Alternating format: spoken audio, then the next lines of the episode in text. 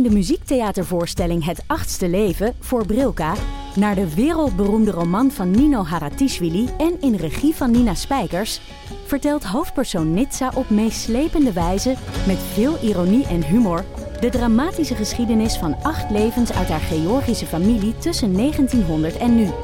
Een hartverscheurend en tegelijk troostrijk drama verteld vanuit het perspectief van vrouwen uit verschillende generaties.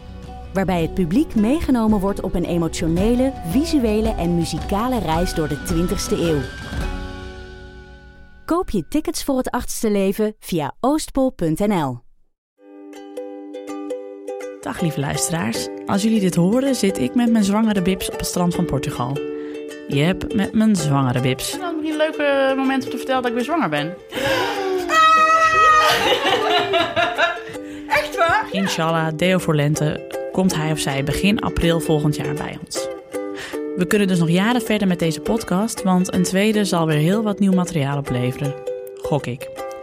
Anyways, we zijn blij en dankbaar dat er weer een spruit bij komt.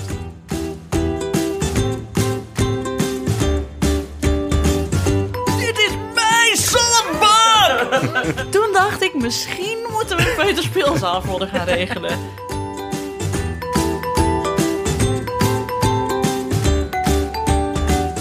Hoi, ik ben Nienke de Jong, journalist en moeder van Janne van 1 jaar. Met mijn vrienden Alex van der Hulst, vader van René van 5 en Jaren van 2... en Hanneke Hendricks, moeder van Alma van 1 jaar... praat ik in Ik ken iemand die over onze avonturen als jonge ouder. We wisselen tips en trucs uit om onze kinderen zoet te houden... delen sterke verhalen over andere ouders en over onze eigen jeugd. Ik had een meisje in de klas en die had eh, op een gegeven moment negen broertjes en zusjes. En toen feliciteerde ik haar toen haar moeder weer zwanger was. Toen sprak zij de legendarische woorden. Ze zouden mijn vader de lul af moeten hakken. en ze liep door. Ja, oud waren jullie toen? zij was... We zaten toen in de brugklas.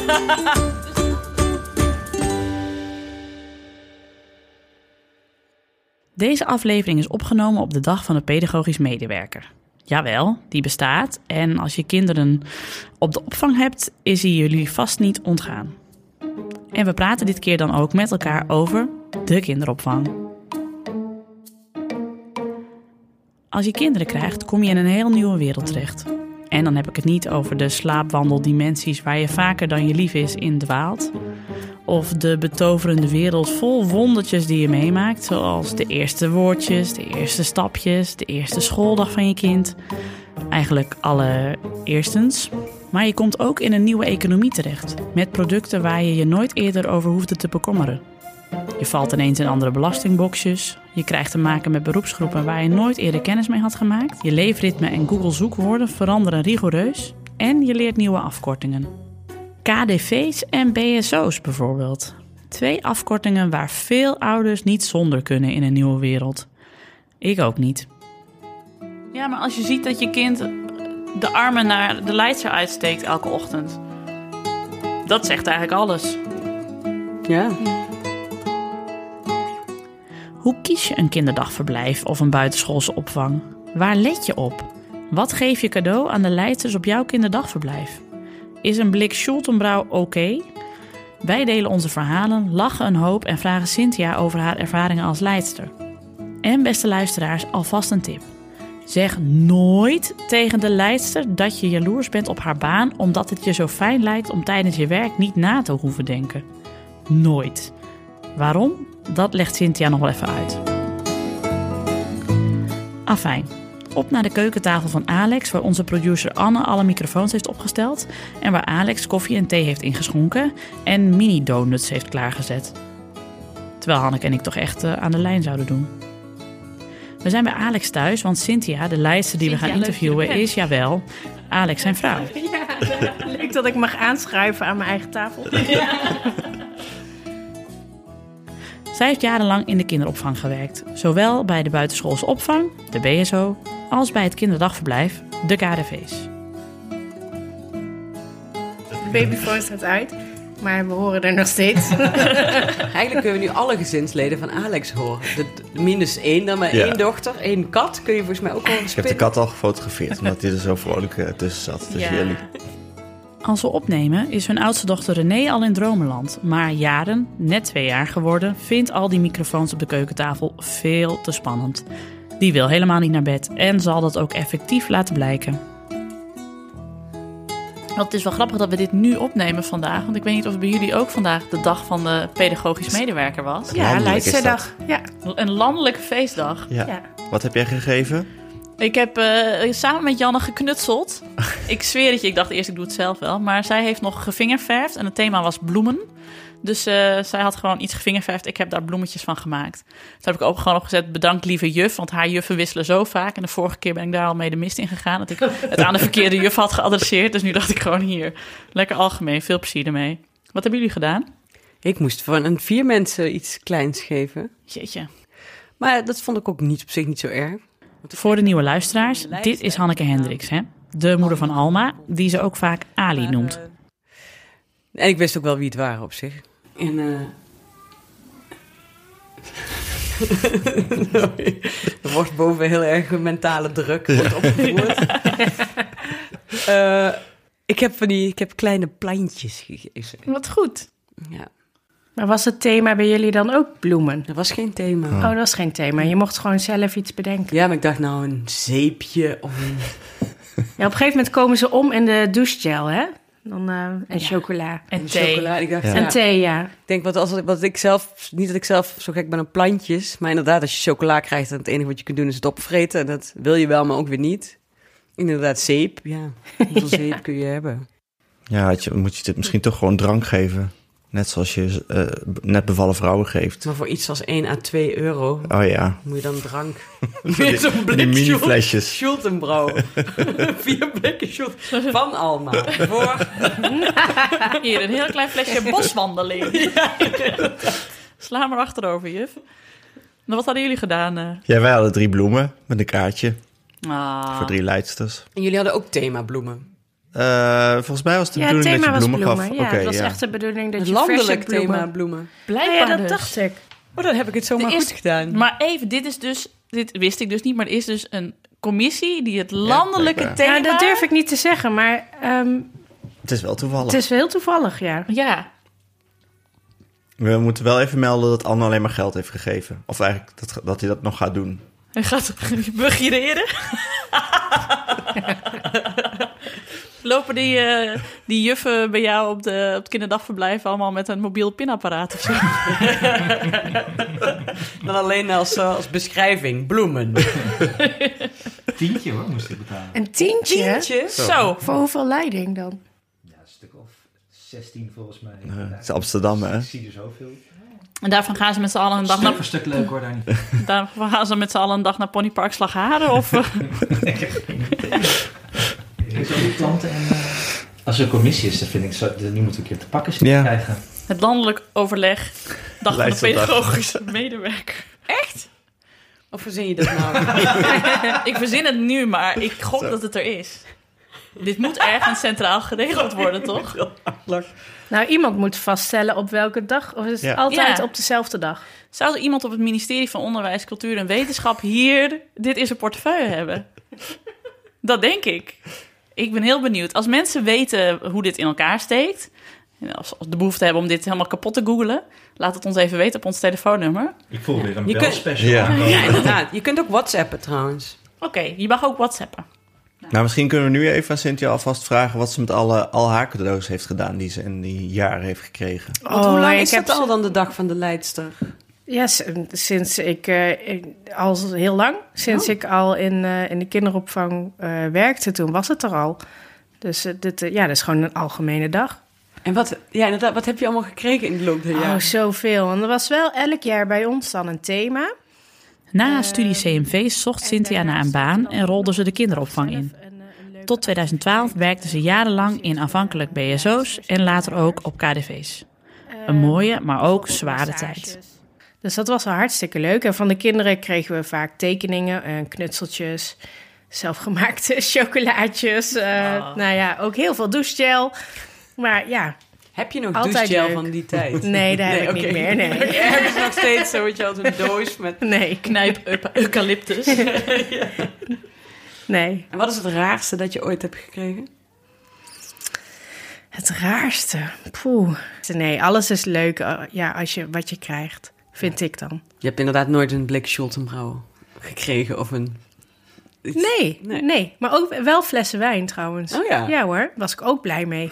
Ja, ja misschien toch volgend jaar. Uh... Volgend jaar ga ik gewoon drank geven Thema hoor. drank. Dat scheelt ook weer vingerverven. Vingerverven in de mond. Vingerverven uit de mond halen. Nou, Zit de tent uit. Ja, iemand begint de boel te verbouwen. Ja. Ja. Zullen we toch maar even naar beneden halen? Is dat handig? Nou ja, eventjes maar weer. Ja, doe Of maar. niet? Ja, zeg maar jongens. Ja, joh. Ja joh, Dan is het op zich Toch redelijk stil hoor als ze beneden is. effect. ja, vind ik ook. Het is toch achtergrond. Het is net het echte leven, onze podcast. precies. Want wie, wie gaan we nu halen? Jaren. Ja, Ja, ja, Alleen het, dus, eh, het, het, het moest wel denken van, kijk, zo'n BSO, mensen op de BSO die beginnen gewoon om, eh, hoe laat begon je altijd? Twee uur of zo. Ehm, ja, twee uur, half Die kunnen drie. altijd hun kater uitslapen. Dat kunnen ze op het kinderdagverblijf natuurlijk niet, Nee. als ze om acht uur daar zit. Dat is het voordeel van de BSO. Half acht sharp. Want heb je toen ook bewust gekozen voor een BSO in plaats van een kinderdagverblijf bijvoorbeeld? Ehm, nou, het was toen de tijd nog zo eh, dat je voor een kinderdagverblijf volgens mij echt een andere opleiding moest hebben. Ehm, omdat je echt op het kinderdagverblijf veel meer verzorgend bezig bent. En ja, die vaardigheden had ik niet op school geleerd. Ik kon ze wel. Ehm, maar officieel mocht ik dat volgens mij toen niet. Oh ja. En later toen heb ik nog ehm, ehm, gevraagd van... nou, mag ik nog invallen op het kinderdagverblijf? En toen zeiden ze, nou, je moet toch echt eerst eh, op het mbo...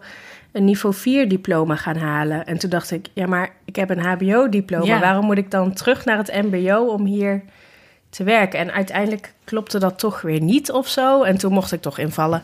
Oké. Dus ehm, ja, uiteindelijk... eh, Maar vind je de BSO ook echt leuker dan het kinderdagverblijf? toen nog wel, ja.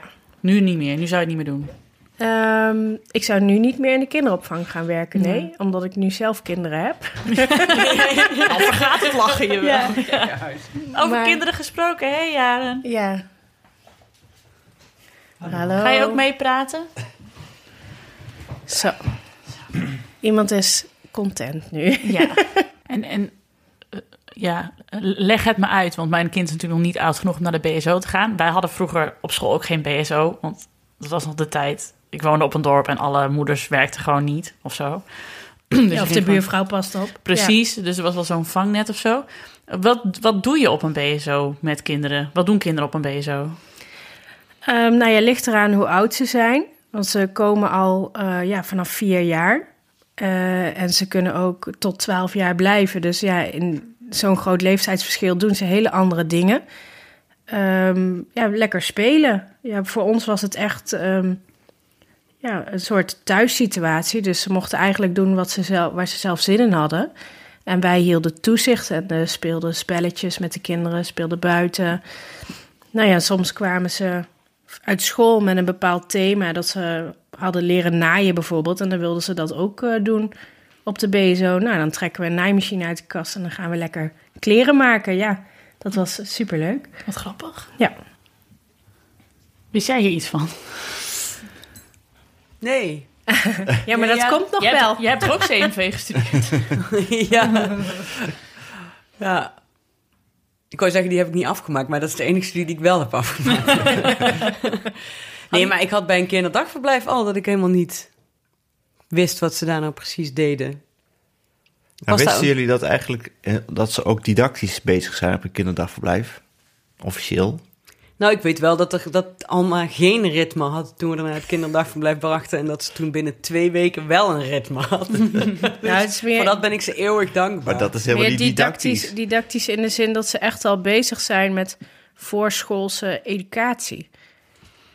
Ja, ik merk wel dat ze bijvoorbeeld eh, het hamer op dingen delen en zo. En met elkaar spelen en elkaar de ruimte geven en zo. Dus dat soort omgangsvormen, dat dat wel geleerd wordt. En met elkaar zingen. Ja. Maar ja, dit, die groep waar Janne in zit is echt een groep tot twee jaar. Dus eh, als ze net een beetje kunnen zingen, dan gaan ze alweer naar de volgende groep. Maar eh, dat vertellen ze wel het vaakst als ik aankom. Dat ze zeggen, ah, we hebben zo leuk met ze gezongen. En eh, zit Janne altijd kaart mee te klappen. Die vindt dat het leukste wat er is. Dus Pas was het kwam er iets. Er kwam een nummer van André Hazes voorbij. En toen stak allemaal allebei de, de vingers in de lucht. En zo, Maar Dat hadden wij ook eh, op, de op die leeftijd met René. Toen, we, toen ik een keer langs de EO Jongerendag zepte op tv. Het ging, Ja, en sterren.nl. het ging ook de armen echt automatisch de lucht in. Nee, dat doen, ze, dat doen ze dus op het KDV. Ja. Als je weg bent, dan zetten ze sterren.nl aan. Ja, ja, ja. Zo werkt het. Handjes in de lucht. Kom op. Hallo, handje in de lucht, ik huizen. Laat je horen.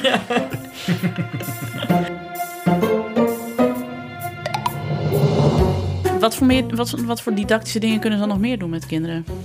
Echt al eh, dingen zoals bezig zijn met rekenen.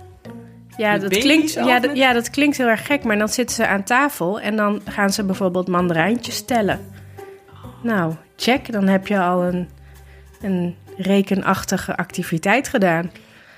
Of zingen kan eh, ook ja, een, een taalactiviteit Mhm. zijn. Of eh, dansen, een, een kunstactiviteit. Nou ja, noem het zomaar op. Want er zijn dus ouders die dat willen. Ja, En dat wordt steeds groter eigenlijk wel. Die gaan ja. bij het kinderdagverblijf vragen... ja, maar wat doen jullie aan eh, educatie eigenlijk? Ja, dan hoort het woord educatie in de zucht zo diep. Die wil dat helemaal niet. Hou Nee. op. Maar dat weet, eh, dat weet jij weer uit je tijd uit de, uit de oude commissie? Ja, klopt. Ja, ik heb ook nog in de oude commissie gezeten. Inderdaad, toen eh, René was geboren, heb ik in de oude commissie gezeten voor de BSO dan. Maar dat was ehm, een, een oude commissie voor ehm, de hele locatie. Oh ja. Eh, dus dan, dan zit je samen eh, om te kijken van, nou, vinden we dat het goed gaat en wat kan er beter? En daar viel het me erg op dat, dat veel ouders eh, meer eisen stellen aan de opvang dan alleen maar eh, leuk spelen. Ja, dat hoorde ik ook van iemand. Ik zal niet zeggen wie het is, maar ze woont boven mij. Die zat ook in de oude commissie. En die zei ook van, ik dacht van, we gaan het hebben over hele grote dingen, weet je. We gaan grote dingen aanpakken. Maar hij, ze zei van, je bent eigenlijk voornamelijk aan het discussiëren met ouders... over hoe biologisch is het eten dat de kinderen krijgen. En is, is het wel al, al het speelgoed wel van hout. Dat soort dingen. Dus dat het helemaal niet, dat het dat soort geneuzel was. Dat klopt, dus... Ja, want wij hebben ons, ons kinderdagverblijf ook een beetje uitgezocht op dat het klein was met lieve mensen, maar ook lekker plastic plakkerig BSO wilden wij. Maar Ja. Vooral geen sorry en iedereen moet doen wat hij zelf wil. Hè? Maar we wilden zo, ik wilde absoluut geen antroposofisch houtblokken kinderdagverblijf.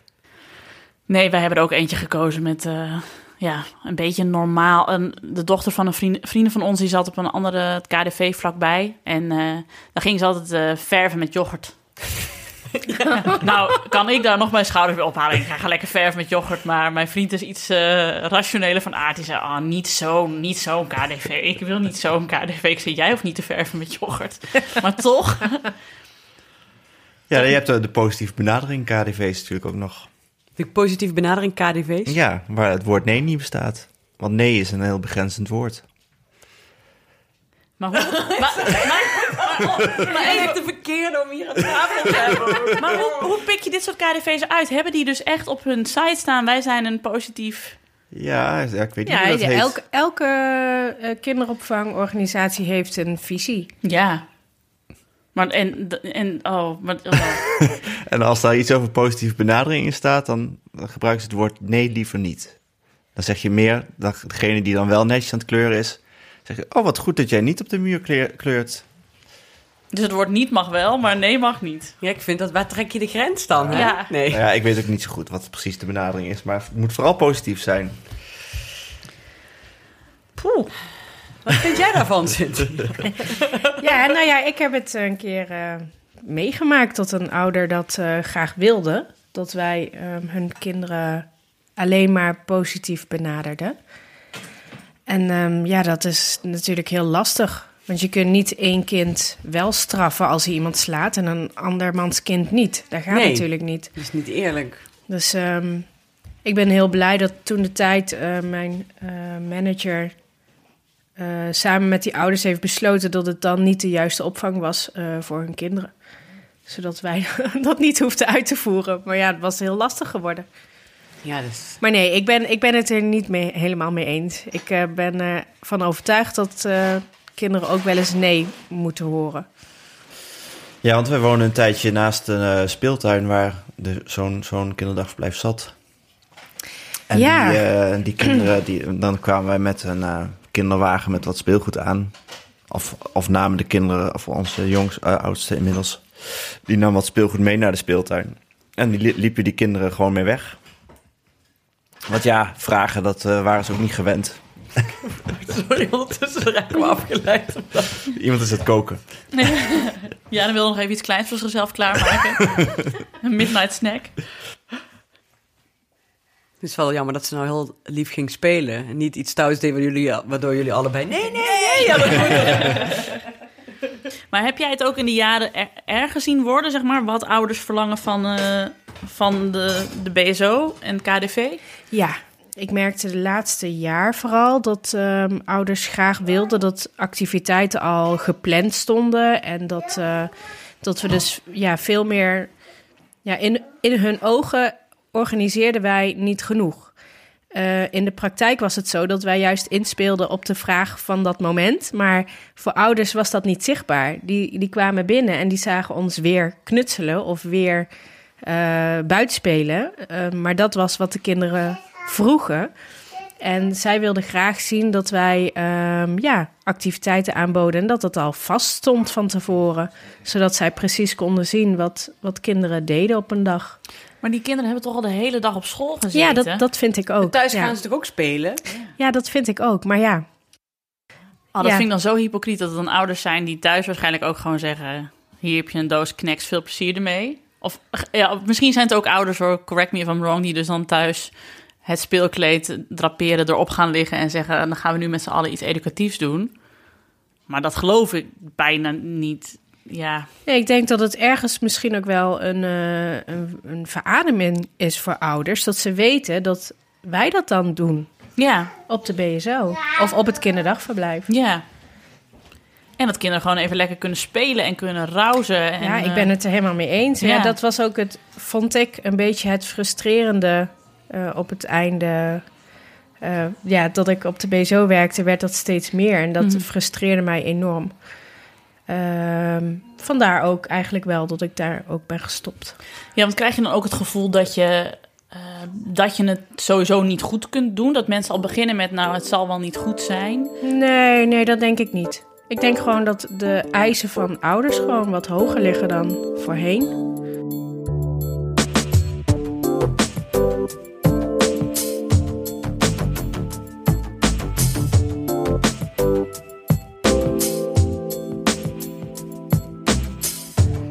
Maar nou lijkt het net alsof de BSO echt heel erg stom is. Want we hebben het alleen nog maar ja, over gehad wat niet leuk is. Maar het is ook echt heel erg leuk op de BSO en op het kinderdagverblijf, vind ik. Want wat vond je, wat vond je vooral leuk? Ehm, nou, op de BSO, ja, om te werken natuurlijk met, met alle verschillende leeftijds... eh, eh, kinderen van verschillende leeftijden. Eh, heel afwisselend en elke dag was wel anders. En ehm, dat kletsen met die oudere meiden over jongens. En ja, het is gewoon super gezellig. En ja, op het kinderdagverblijf... Ja, het is lekker kneuterig en eh, meer verzorgend.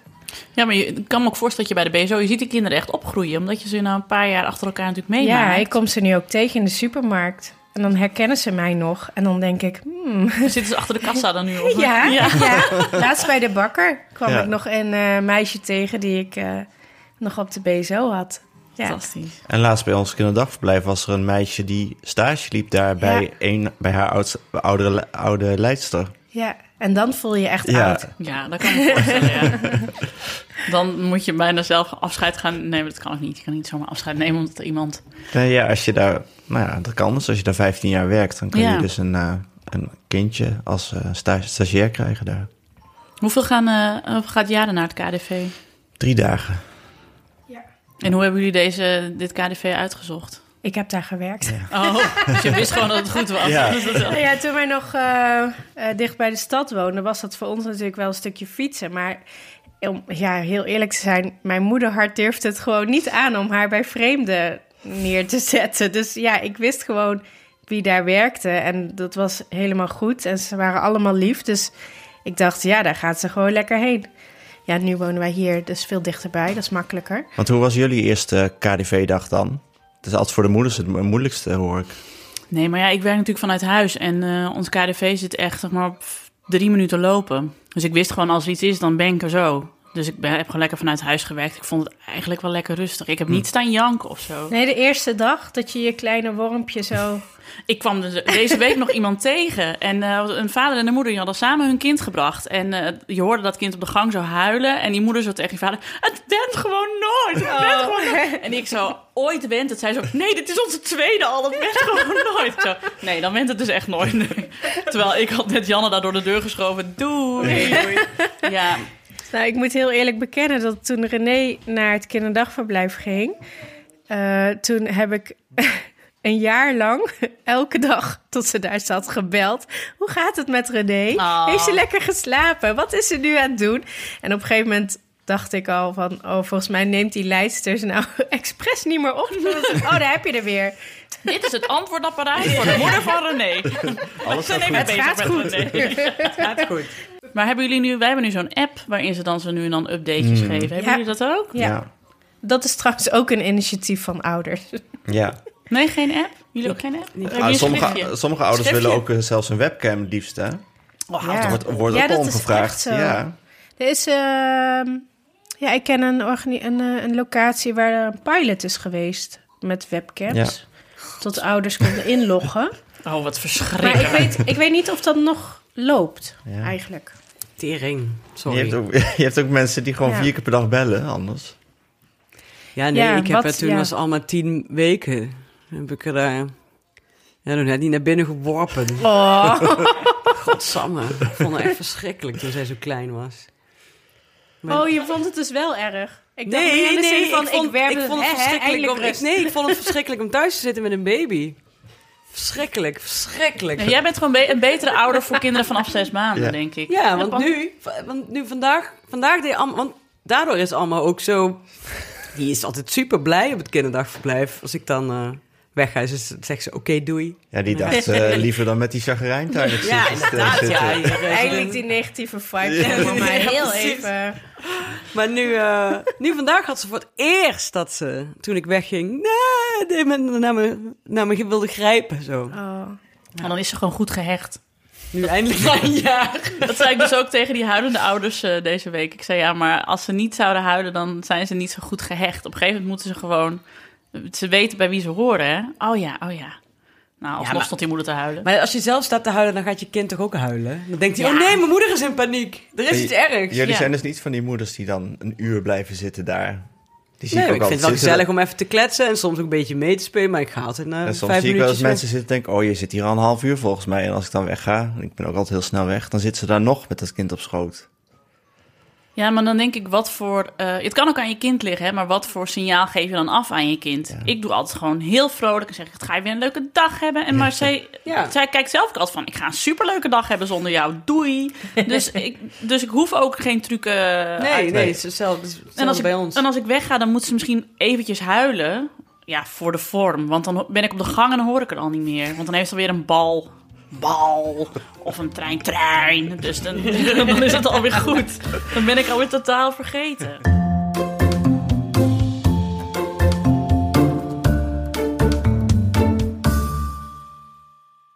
Ook podcasters hebben af en toe een plaspauze nodig, beste luisteraars. En die brak op dit moment aan. Als iedereen weer aan tafel zit, is het gespreksonderwerp even iets wat verschoven. Tenzij je het toilet ook als een soort van kinderopvang ziet. Maar soms ben je alleen thuis Ja. en dan moet je naar het toilet. Ja. Dat kan gewoon. En dan denk je niet, ik ga nu zes uur wachten tot er iemand thuis komt. Dus dat is ook geen probleem, want ze is nog zo klein, weet je. Het interesseert haar nog helemaal totaal niet wat ik aan het doen ben. Maar goed, op een gegeven moment kwam ze het in de buurt en wilde ze ook richting de playborstel en zo. Dus ik dacht, shit, weet je wel, ik moet haar afleiden. Dus toen had ik een bakje tampons inderdaad, want ik vond het heel grappig. Gooide ik die eigenlijk gewoon weg. Zat jij te schrijven en onder het op te gooien. En allemaal vindt het dan ook niet, want die kruipt er dan zo achteraan. Die ging daarmee spelen, maar op een gegeven moment inderdaad ging ze daarop kouwen. Ja. En toen ging dat ook dat plastic in. Ja. nee, dat is helemaal geen goed idee. Maar ik zit hier. Dus dat was een strategie die ik, maar, die ik één keer heb uitgevoerd. Ja. Maar daarna niet meer. Ik heb sowieso al eh, weken niet meer alleen geplast dan wel gedoucht. Ik zweer het je. En als ik, want met, met poepen, daar ligt de grens natuurlijk, dan doe ik gewoon de deur op slot. En dan zit ze dus tegen de Ja. deur. Ja. Nee, nee. Het, eh, het gaat nog tien jaar door nu. Ja, nooit meer alleen. Nee. Nooit meer alleen kakken. Nou, je hebt mensen die Nooit dan meer rustig kakken. Ja, nooit meer rustig kakken. Ja, je hebt mensen die dan na tien jaar genoeg hebben verdiend voor een nieuwe etage op hun woning en daar een eigen, eigen wc hebben. Wat ook wel handig is, want dan worden ze pubers en dan gaan ze heel erg stinken. Dus dan Anders zou je dat naar aks. En naar scheid en zweet. Het probleem is dat die kinderen zelf vanaf een bepaalde leeftijd, vijf of zo, gaan ze zelf naar de wc. Maar dat moet altijd met de deur open en met verslag van wat er allemaal gebeurt op die wc. Ik kan nog, wij riepen dan altijd met de deur open kakken. En dan riepen we Ja. altijd, ik ben clear. Ook allemaal hetzelfde deuntje. Dat was alsof iemand ooit had bedacht van, dat is de soundtrack van jouw scheid of zo. Ja, ik ben een supermarkt. Pim, pim, pim, pim. Moeder, ik moet nou naar de kassa. Ja, maar dan... Ik ben clear. Nou, wij krijgen nu af en toe het verslag. Hij komt hoor, hij komt eraan zo. Hij komt. Hij is er Bijna. bijna. Oh, wauw. Ja. Het is vooral heel gênant als je visite hebt. Ja. Of zoals eh, afgelopen eh, zondag op Jarens verjaardag, een huis vol visite. Dat Oh, de dat deur het- dan open staat. Ik ga even poepen. Oké, doe maar even de deur dicht. Nou, ik heb ook in een bejaardenhuis gewerkt waar een vrouw van 106 ook altijd met de deur open poepte. En die moest er op de pooststoel zetten. En dan zei ze, nee joh, laat de deur maar open. En dan hoorde ik ook op de gang. Dus we eindigen ook weer allemaal zo hoor. Ja. Circle of life. Ja, dat blijft eindig allemaal met de deur open. Van...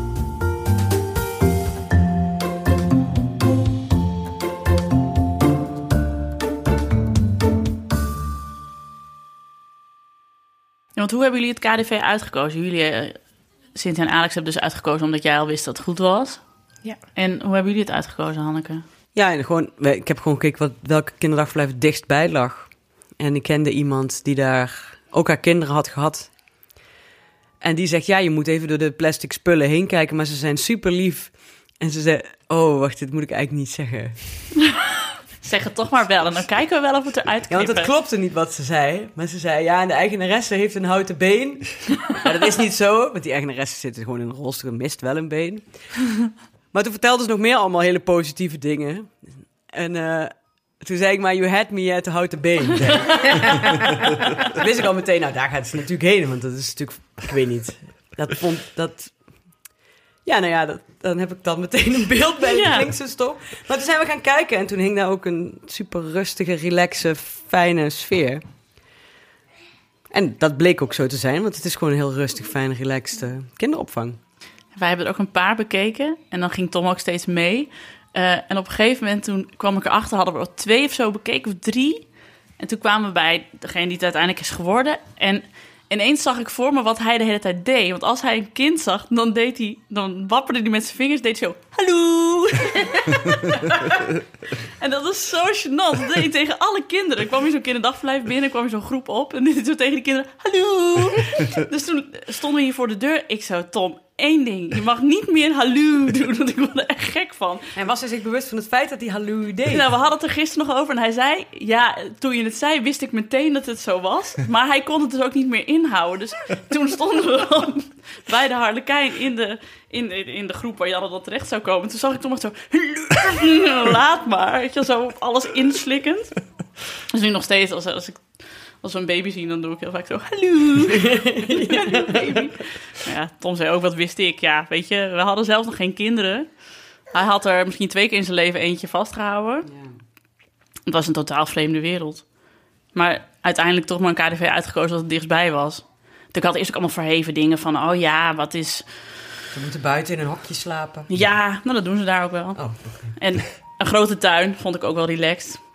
Maar voor de rest had ik echt niet... Had ik, ja, dacht ik van, oh ja, dan moet je moet het allemaal heel goed voelen en zo. En eh, er waren ook één, eh, één KDV geweest en daar kende ik een leidster. Dacht ik, oh, dat vind ik wel fijn. Maar dat was uiteindelijk ja, al een kwartier fietsen bijna, joh. En als zo'n kind dan niet op de fiets kan, dan ben je elke dag eh eeuwen Hmm. onderweg eh, om überhaupt bij je KDV te komen. Ja, precies. Ja, dat- Ja, het allerbelangrijkste is natuurlijk dat die leidsters lief zijn. En ja, voor de rest Nee, dit is. maakt het Ja. Wij voor gaan, ons niks uit. Nee. wij gaan nou verhuizen, dus nou heb ik ook gezegd dat wij weggaan daar. En ik moest bijna huilen. Ik moest bijna huilen. want Ik zei, nou, Ah. we moeten allemaal hier weg. En ik vind het hier zo blij en jullie zijn zo lief. En ik zo, oh, ik, vond echt, ik vind het echt heel erg. Ik wou dat ik het mee kon nemen. Maar ja, we kunnen niet natuurlijk een kind iedere dag 40 minuten... Of ja, 20 minuten heen, 20 minuten terug naar een kinderdagverblijf. Nee, en dan doe je het alleen voor de jezelf. auto. Want je kind eh, herinnert zich nu niks van deze periode. Nee. Nee, dat is waar. Maar ze heeft nou ook... Want toen ze op het kinderdagverblijf kwam, was er een jongetje die een jaar of een dag ouder of jonger is dan zij. Dat weet ik even niet meer. Sammy. En daar speelt ze dus vanaf tien weken al mee. Of spelen. Ze kunnen spelen niet echt samen. Ze gedogen elkaar. Naast elkaar ja, maar pas ze. kwam ik uit en zette ik haar op de grond. En toen kwam Sammy eraan kruipen en die knuffelde haar. Dus haar, haar kijk niet aan Lacey. Ja. ja. Oh. En af en toe kwetst ze hem ook, weet je wel. Dan wil hij, dit, hij, wil dit, hij is heel lief en blij. En Alma is, een, Alma is een beetje een hooligan, weet je wel. nou ja.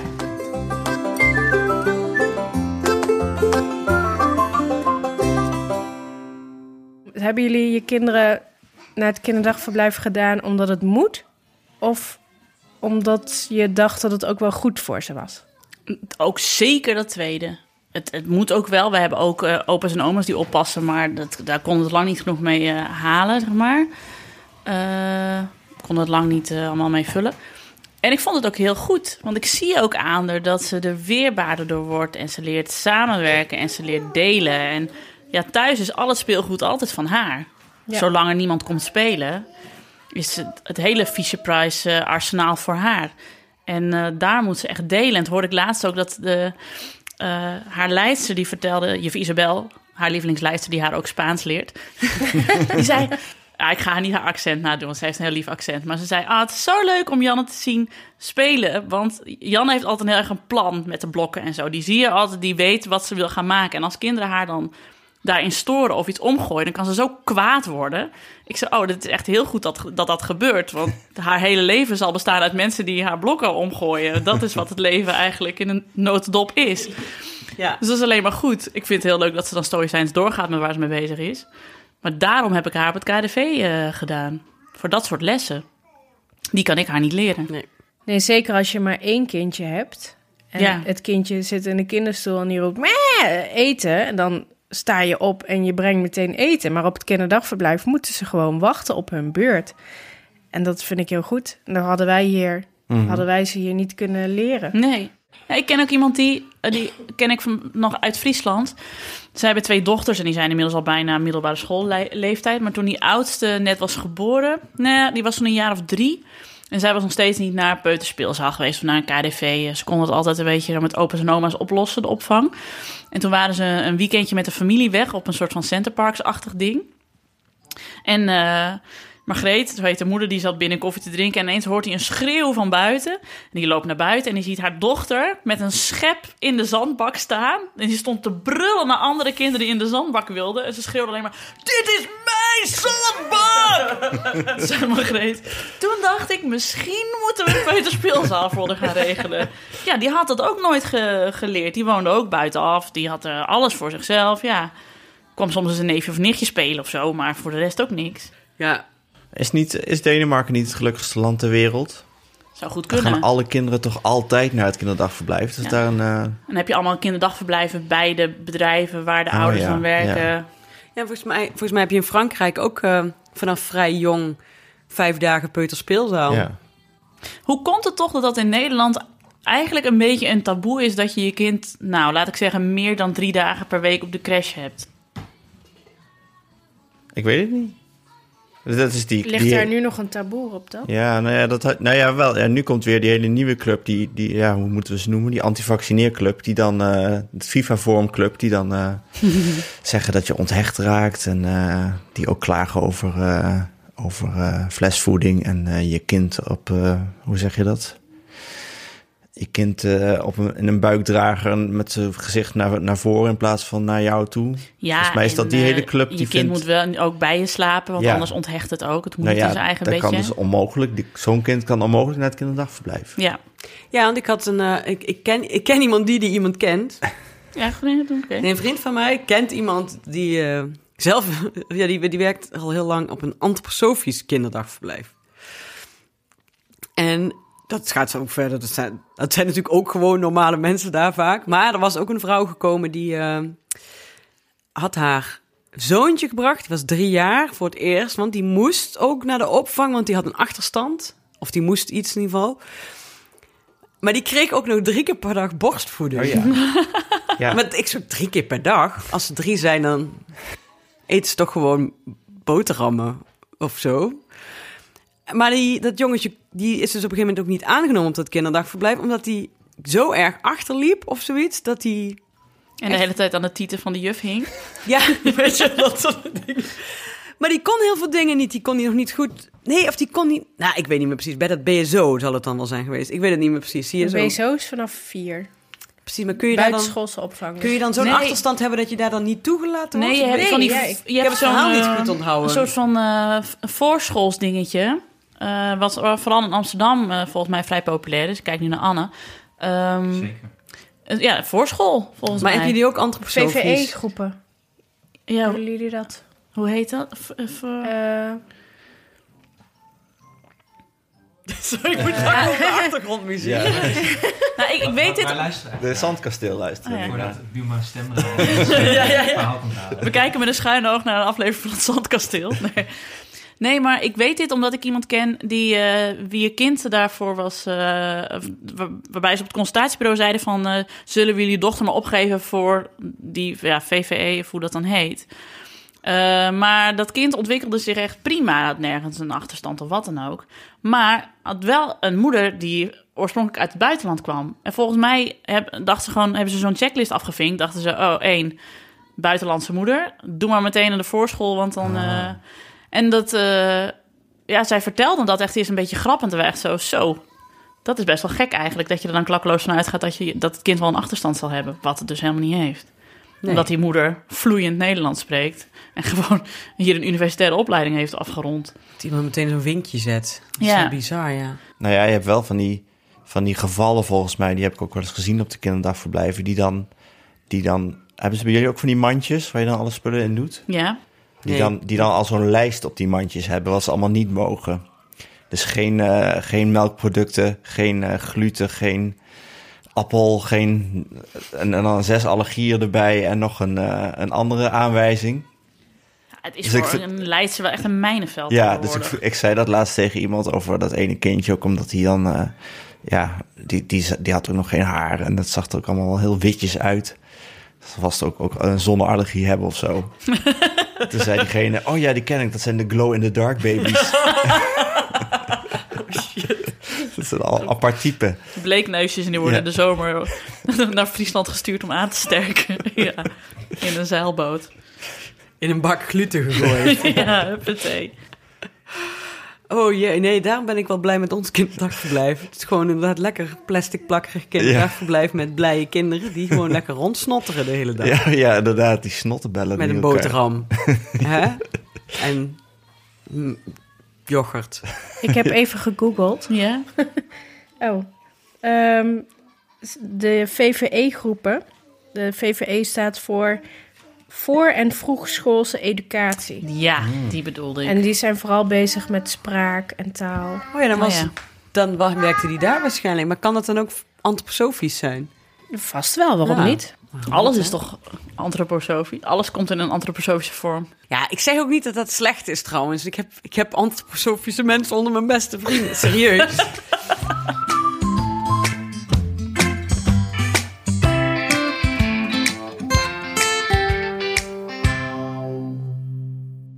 Nee, maar we hadden het net over waarom dat, dat taboe in Nederland. Maar dat heeft natuurlijk ook natuurlijk met geld te maken. Want het is best duur in Nederland. En als je geen, niet werkt, of een van de twee werkt niet, dan wordt toch heel vaak gezegd: ja, moeten we dan het kind nog wel op de kinderdagverblijf doen? Ja, en als je allebei wel werkt en je wilt allebei fulltime blijven werken... en je Ja. stopt je kinderen vier of vijf dagen op de crash... dan zeggen mensen, ja, maar waarom heb je dan überhaupt kinderen gekregen? Dat je ze de hele tijd op de crash Genomen. stopt. genomen. Oh, genomen, ja, sorry. Waarom heb je ze dan genomen als je ze toch op de crash Ja. stopt? Ik vind dit overigens een belachelijke redenatie... want je mag zelf weten wat je met je kind doet... Ja. en wat je met je tijd doet.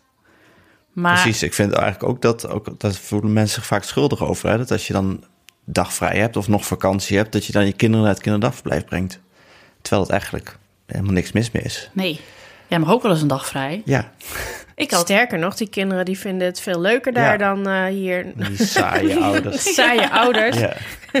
breng mij maar weg. Doei. Want dat was ook we laten weer zo'n onderzoek van ja, je mag. eh, eh, kinderen zien ook te veel mensen in een week of zo. Dat, is ook weer niet- dat onderzoek waar ik het over had, is een interview dat laatst in het AD stond, genaamd Afwezige ouders, lastige kinderen. De link zetten we even in de show notes. In dit interview met sociaal pedagoog Gitty Veddema beklaagt zij zich erover dat ouders meer tijd aan hun kinderen en minder aan carrière moeten besteden. Oké, maar vervolgens zei ze iets waar ik razend van werd. Namelijk, zo zei die Veddema... Ik zie de crash met wisselende leidsters soms als een vorm van gesubsidieerde kinderverwaarlozing. Bullshit. Tuurlijk, sommige KDV's zijn beter dan andere. Maar als ik kijk naar de crash van Janne, is dat geen plek waar een kind enkel zieligjes wacht totdat haar vader of moeder haar weer komt halen. Ze spelen, leren met elkaar om te gaan, van zich af te bijten en leren dat ze dat niet te letterlijk moeten nemen. De leidsters stellen stukjes banaan met ze, zingen liedjes, geven de kinderen een ritme en hebben mij al vaak advies gegeven, waardoor ik echt een betere moeder ben geworden. Ook als ik alle tijd van de wereld had gehad, dan nog had ik Janne een paar dagen per week naar de kinderopvang gebracht. Zo, dat wilde ik even kwijt. Terug naar de keukentafel.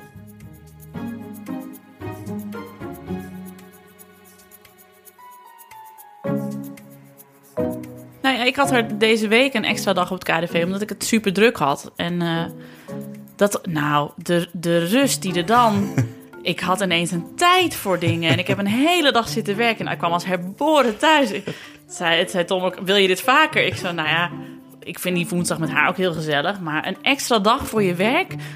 Vroeger maakte dat niet uit, maar nu ik een kind heb, is een extra dag per week om aan je werk te zitten, is alsof je er een jaar van je leven bij krijgt. Zo voelt het. Dus ik snap het wel dat mensen Ja. vier dagen per week doen. Want jij zorgt één dag, één werkdag in de week Ja, voor de... dus ze gaat twee dagen naar het KDV. En op maandag is opa Jos er. En op vrijdag is Tom er of zijn mijn ouders er. Ja, Opa Jos of oma Marjan op maandag. Ja. Dus dat is eigenlijk perfect geregeld, vind ik. Ik ben er heel blij mee. Maar, eh, en Janne ook.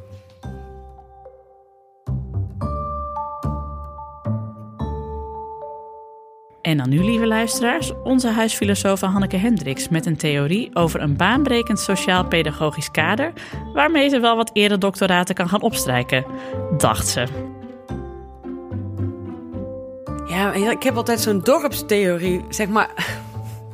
Kijk, ik denk wel dat je een gemeenschap nodig hebt om een kind op te voeden. En vroeger was dat veel normaler dat je met buren en familie en dat iedereen bij elkaar over de vloer kwam en je schoof je kinderen overal gewoon neer of heen. En eh, nu is het dan vaak alleen het gezin en moet je dus zorg inkopen of hulp. Maar er is nog steeds die gemeenschap die je om je kind heen bouwt. It takes a village to raise a child. Oh ja, dat is het. Misschien heb ik dat gewoon geparafraseerd en bedacht dat ik dat zelf had verzonnen. Dit heb je gewoon van Oprah. Ik ga me heel even door mijn hoofd schieten. Zo terug. Oh, ik dacht echt dat je een grapje maakte. Dat je de... ik dacht dat je gewoon zat te wachten tot ik It takes a village to raise a child zou zeggen. Ernstig aan. Hoe laat is het? Nu kan ik al naar huis. Nee, maar ik denk dat je daar zeker, zeker een punt hebt. Weet je, wij werden vroeger ook... Ik werd ook opgevoed door de hele buurt. Wat is dat? Jaren de Zandkasteel is afgelopen, dames en heren. Nou, het kan kiwi zijn, want die vindt ze niet leuk bij Boomba. It takes a mama en een papa, a village, KDV's, BSO's en scholen to raise a child. Je vader en moeder krijgen ook ineens een nieuwe functie. Zij worden ineens superhelden met nieuwe bijpassende actienamen: opa en oma. Want hoe is dat, Nienke? Heb je, eh, is is, eh, is eh, je dochter wel eh, een kilo zwaarder als eh, oma oppast? Eh, Heeft opgepast? Ja, oma neemt altijd blauwe bessen voor haar mee. Oh, Dat vindt ze namelijk heel lekker. En wij zeggen, ja, hoi, die dingen zijn ongeveer 50 cent per stuk. Oh, dat klopt, ja. En ze haffelt er acht per keer naar binnen, zeg maar. Zit met, want die heeft twee van die volle wangen. Dus eh, daar verwendt oma haar mee. En met heel veel persoonlijke aandacht tijdens het spelen. Dus dat merk ik altijd daarna wel. Dat ze dan ook denkt dat ik dat ook steeds doe. Terwijl ja, ik kom dan binnen en dan moet ik ook koken en zo.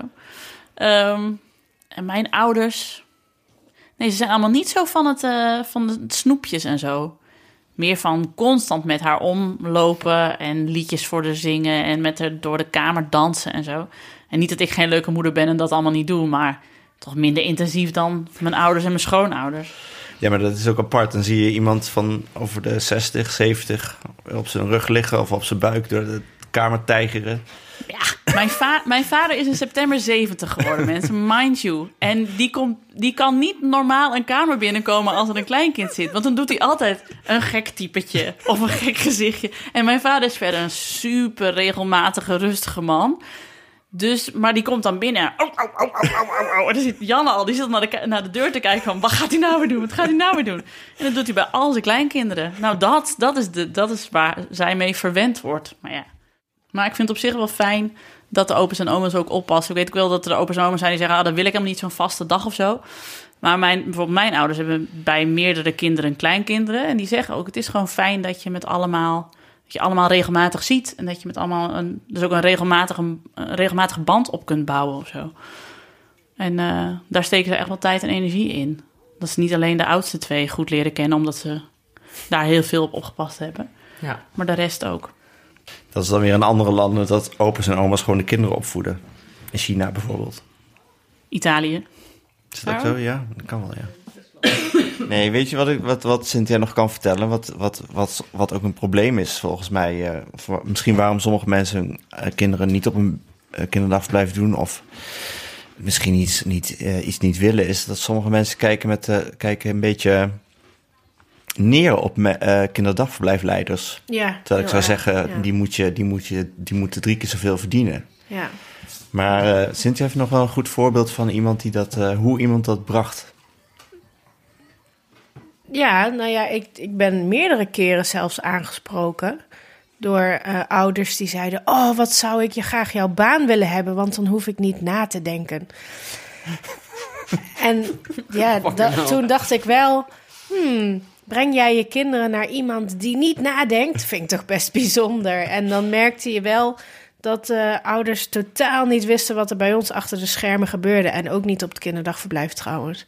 Want het is echt niet alleen maar je trekt een monopolie uit de kast en je gaat een spelletje spelen met die kinderen. Maar daarvoor en daarna gebeurt er heel, heel erg veel.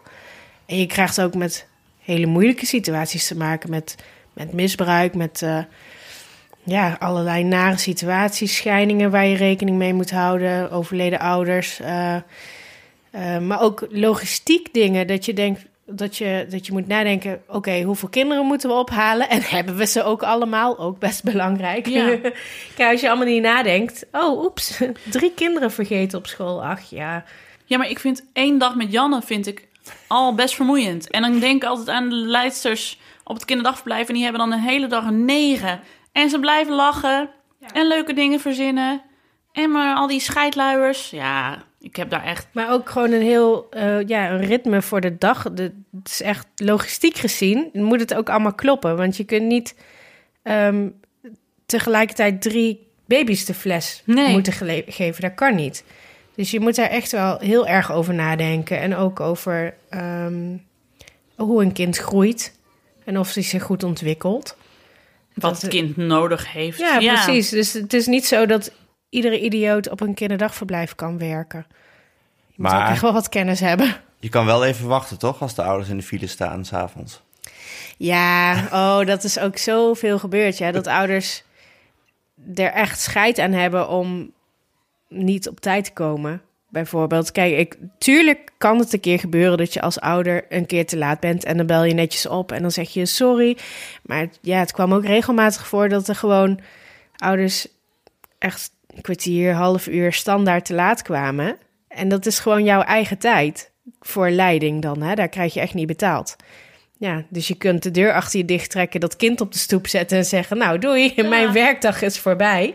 Maar dat doe je natuurlijk niet. Oh, maar ons moet je dan echt extra betalen als je te laat Ja, komt. ja, in de midden, ja, er was inderdaad ook een regel. Als je dan eh, drie keer of zo te laat was, dan eh, kreeg je een waarschuwing en daarna moest je wel eh, gaan dokken. Maar ook gewoon onbeschoft. Ja. Weet je, het is eh, ja, alsof leiding geen leven heeft Ja. na het werk. ja, maar het kan natuurlijk altijd gebeuren. Hè? Ja, Dat, ja, ja. Nee, maar ik weet nog wel eens, volgens mij had toen een keer iemand gebeld die eh, van Amsterdam nog naar Nijmegen moest rijden. En dan, dan om, eh, om vijf uur riep van, eh, oh ja, ik ga nu, ik ga nu naar Nijmegen. Ja. Terwijl je weet, dat gaat anderhalf uur duren. Dus Ja. dat, eh, ja, dat kwam echt regelmatig voor, ja. En wat ik me nog kan herinneren is de, het, het b- naar binnen werpen van een ziek kind en snel weg. oh ja, dat is zo zielig, ja. Ja, dat ze dan zo helemaal onder de, de, de zetpillen zitten, zeg maar, om ja, de koorts echt even te laten koorts. zakken. En dan, en dan gewoon weggaan en niet de telefoon opnemen van... Goh, je kind is heel erg ziek, kom hem ophalen. Dus ja, dat arme kind heeft toen nog de hele dag bij ons op de bank gelegen. Ja, dat was echt niet, niet fijn. Nee. Vond ik echt heel zielig. Maar ja, dat heeft me wel geraakt hoor. Dat, dat, dat heb ik echt een paar keer dus meegemaakt. Dat iemand dat zei van... Oh ja, jullie doen hier niks anders dan lekker spelen. Wat Ja, heerlijk. Een beetje Ja. koffie drinken, met de kinderen spelen. Ja. Terwijl ik moet zeggen, ik werk nu eh, eh, op het ROC. En ehm, ik werk daar eh, op kantoor. En dat is tien keer zo relaxed als drie uur BSO draaien. En dat dat was geloof ik echt meteen. uitputtend. Echt uitputtend. En ja, ik kan de hele dag op kantoor zitten en dan ben ik nog de helft nog niet moe als dat ik drie uur BSO zou draaien.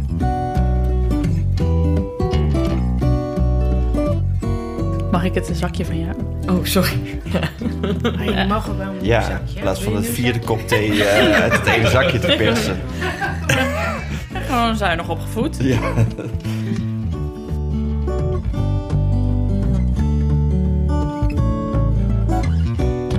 Hebben jullie zelf trouwens vroeger eh, op een KDV gezeten of oppassen gehad? Of...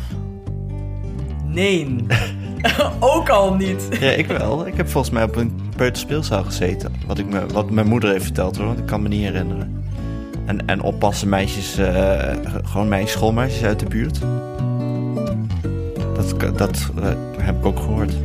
En toen ging mijn moeder weer aan het werk. En toen kreeg ik een overblijf oppas voor die. Volgens mij moesten we heel lang, eh, hadden we eh, lunchpauze. Ja, ik denk anderhalf uur toen Ja. nog. Mm, met warm eten en zo. Kon je niet gewoon op school blijven? Ja, dat, was, dat deed eigenlijk niemand. Er waren al mijn vriendjes die gingen gewoon naar huis. Dus eh, toen had mijn moeder geregeld dat iemand in de straat daar komt dan eh, eten. Ik vond het wel leuk, want die hadden sandwichpret thuis. Dus ik kon Oh. eens in de week sandwichpret eten.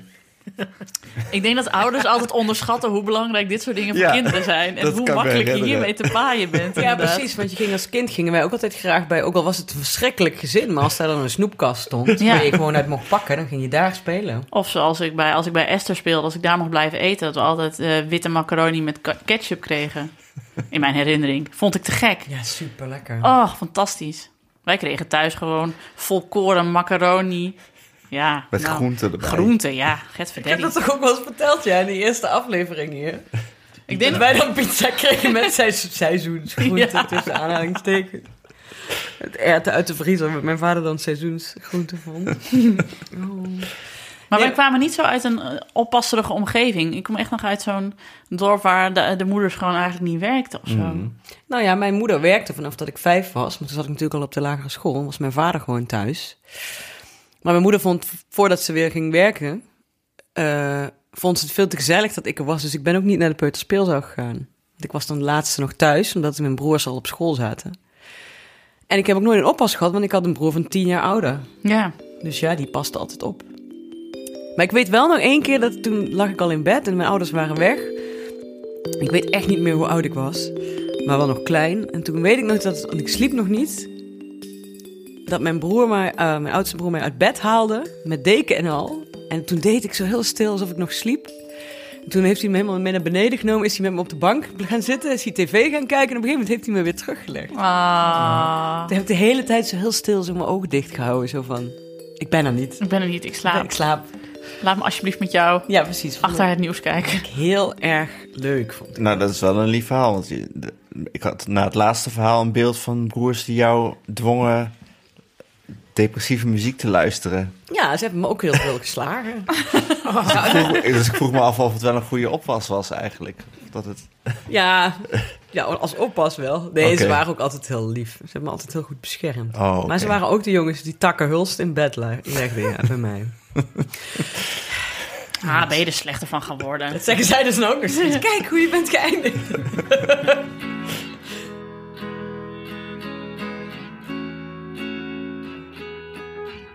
De schaal met mini-donuts was intussen toch leeg. Ik had vijf kopjes thee uit één zakje weten te trekken en de oogjes begonnen wat te hangen. Time to go. Maar even resume, wat hebben we geleerd? En jawel, beste luisteraars, we hebben een moraal van het verhaal. Ja, maar als je ziet dat je kind de armen naar de leidster uitsteekt elke ochtend, dat zegt eigenlijk alles. Dat de moraal is eigenlijk dat je de, dat de dag van de pedagogisch medewerker misschien zeg maar, een dag is waarop je altijd denkt: oh ja, shit, nou moet ik nog iets knutselen. Maar dat het juist een dag is waarop je de pedagogisch medewerker wel eventjes extra mag bedanken voor wat hij allemaal voor je doet. En niet met je eisenpakketje naar het KDV rent. Met zo wil ik dat mijn kind opgevoed wordt. Maar überhaupt blij mag zijn dat er mensen zijn die zich de hele dag over jouw kind willen ontfermen. Zodat jij je werk kunt gaan doen. Wat je hopelijk ook heel leuk vindt. Hier, hier. Ik heb vanmiddag tegen juf Isabel gezegd. Ik zei, ik ben super blij met wat jullie doen. En dat Janne zich zo, hier zo veilig en vertrouwd voelt. Dat ik haar hier met een gerust hart achterlaat. Ik zei, dit is me echt ontzettend veel waard. En ik lieg niet. De tranen stonden in de ogen van juf Isabel.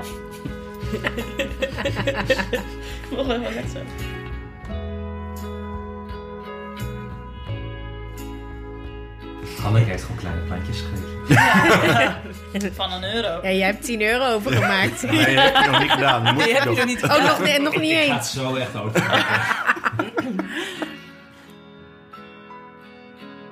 En mag ik daar verder nog wat aan toevoegen? Breng ook eens op een willekeurige dag een presentje mee naar de kinderopvang. De leidsters hebben het verdiend. Een bloemetje mag, een treetje Schultebrouw is prima, zolang het maar geen douchegel is. Chocolade mag natuurlijk ook. Chocolade mag natuurlijk sowieso altijd. Kom op zeg. Chocolade. Chocola.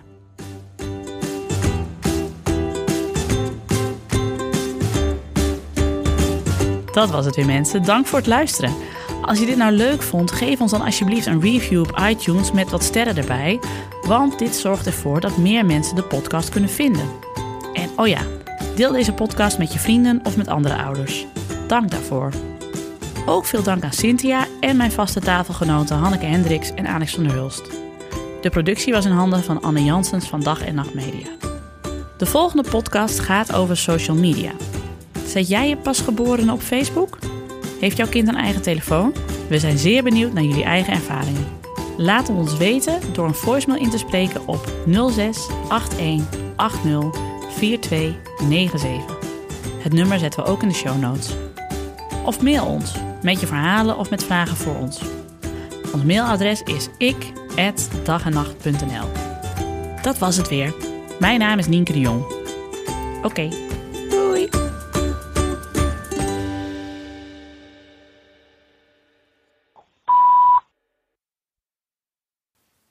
Oma is eh, bijna 80. Ze wilde heel graag oppassen. En oma is een eh, ontzettende babyfluisteraar. En die kwam eh, iedere vrijdag eh, hier naartoe en het ging hartstikke goed. Toen hadden we één kind en eh, dat was in het begin best wel spannend met oma in huis.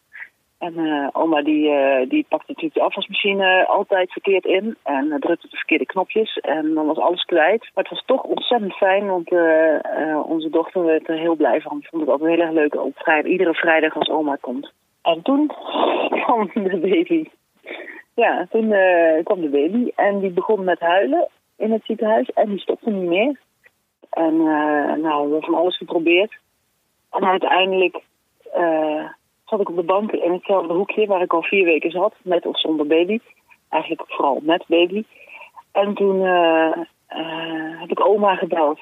En nou, daar kwam oma. Meteen aangesjeest. Ik denk dat ze twintig minuten later hier was. En ik kon alleen nog maar huilen, huilen, huilen. En ik zat daar in het hoekje van de bank. En oma zei, zal ik er anders gewoon meenemen? En het eerste wat ik dacht was, ja, ja, neem dat mee. En meteen daarna dacht ik, nee, nee, dat kan niet, dat kan niet.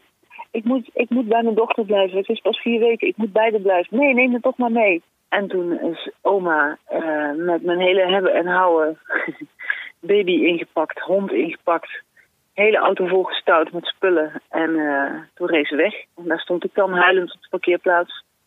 Ergens heel gelukkig dat ik even niet meer hoefde. En ergens heel verdrietig dat, uh, dat oma met mijn baby wegreed. Toen kwam het wonderverhaal Oma heeft twee dagen, drie dagen opgepast en ik ben heen en weer gereden naar, naar de toe. En nou, ze werd een stuk rustiger en het was echt heel fijn. En oma blijkt naast een, een oppas op vrijdag ook een reddende engel te zijn. Nog even over die grootse en epische muziektheatervoorstelling. Het achtste leven voor Brilka is een marathonvoorstelling van vijf uur. Koop je tickets voor deze bijzondere theateravond via oostpol.nl.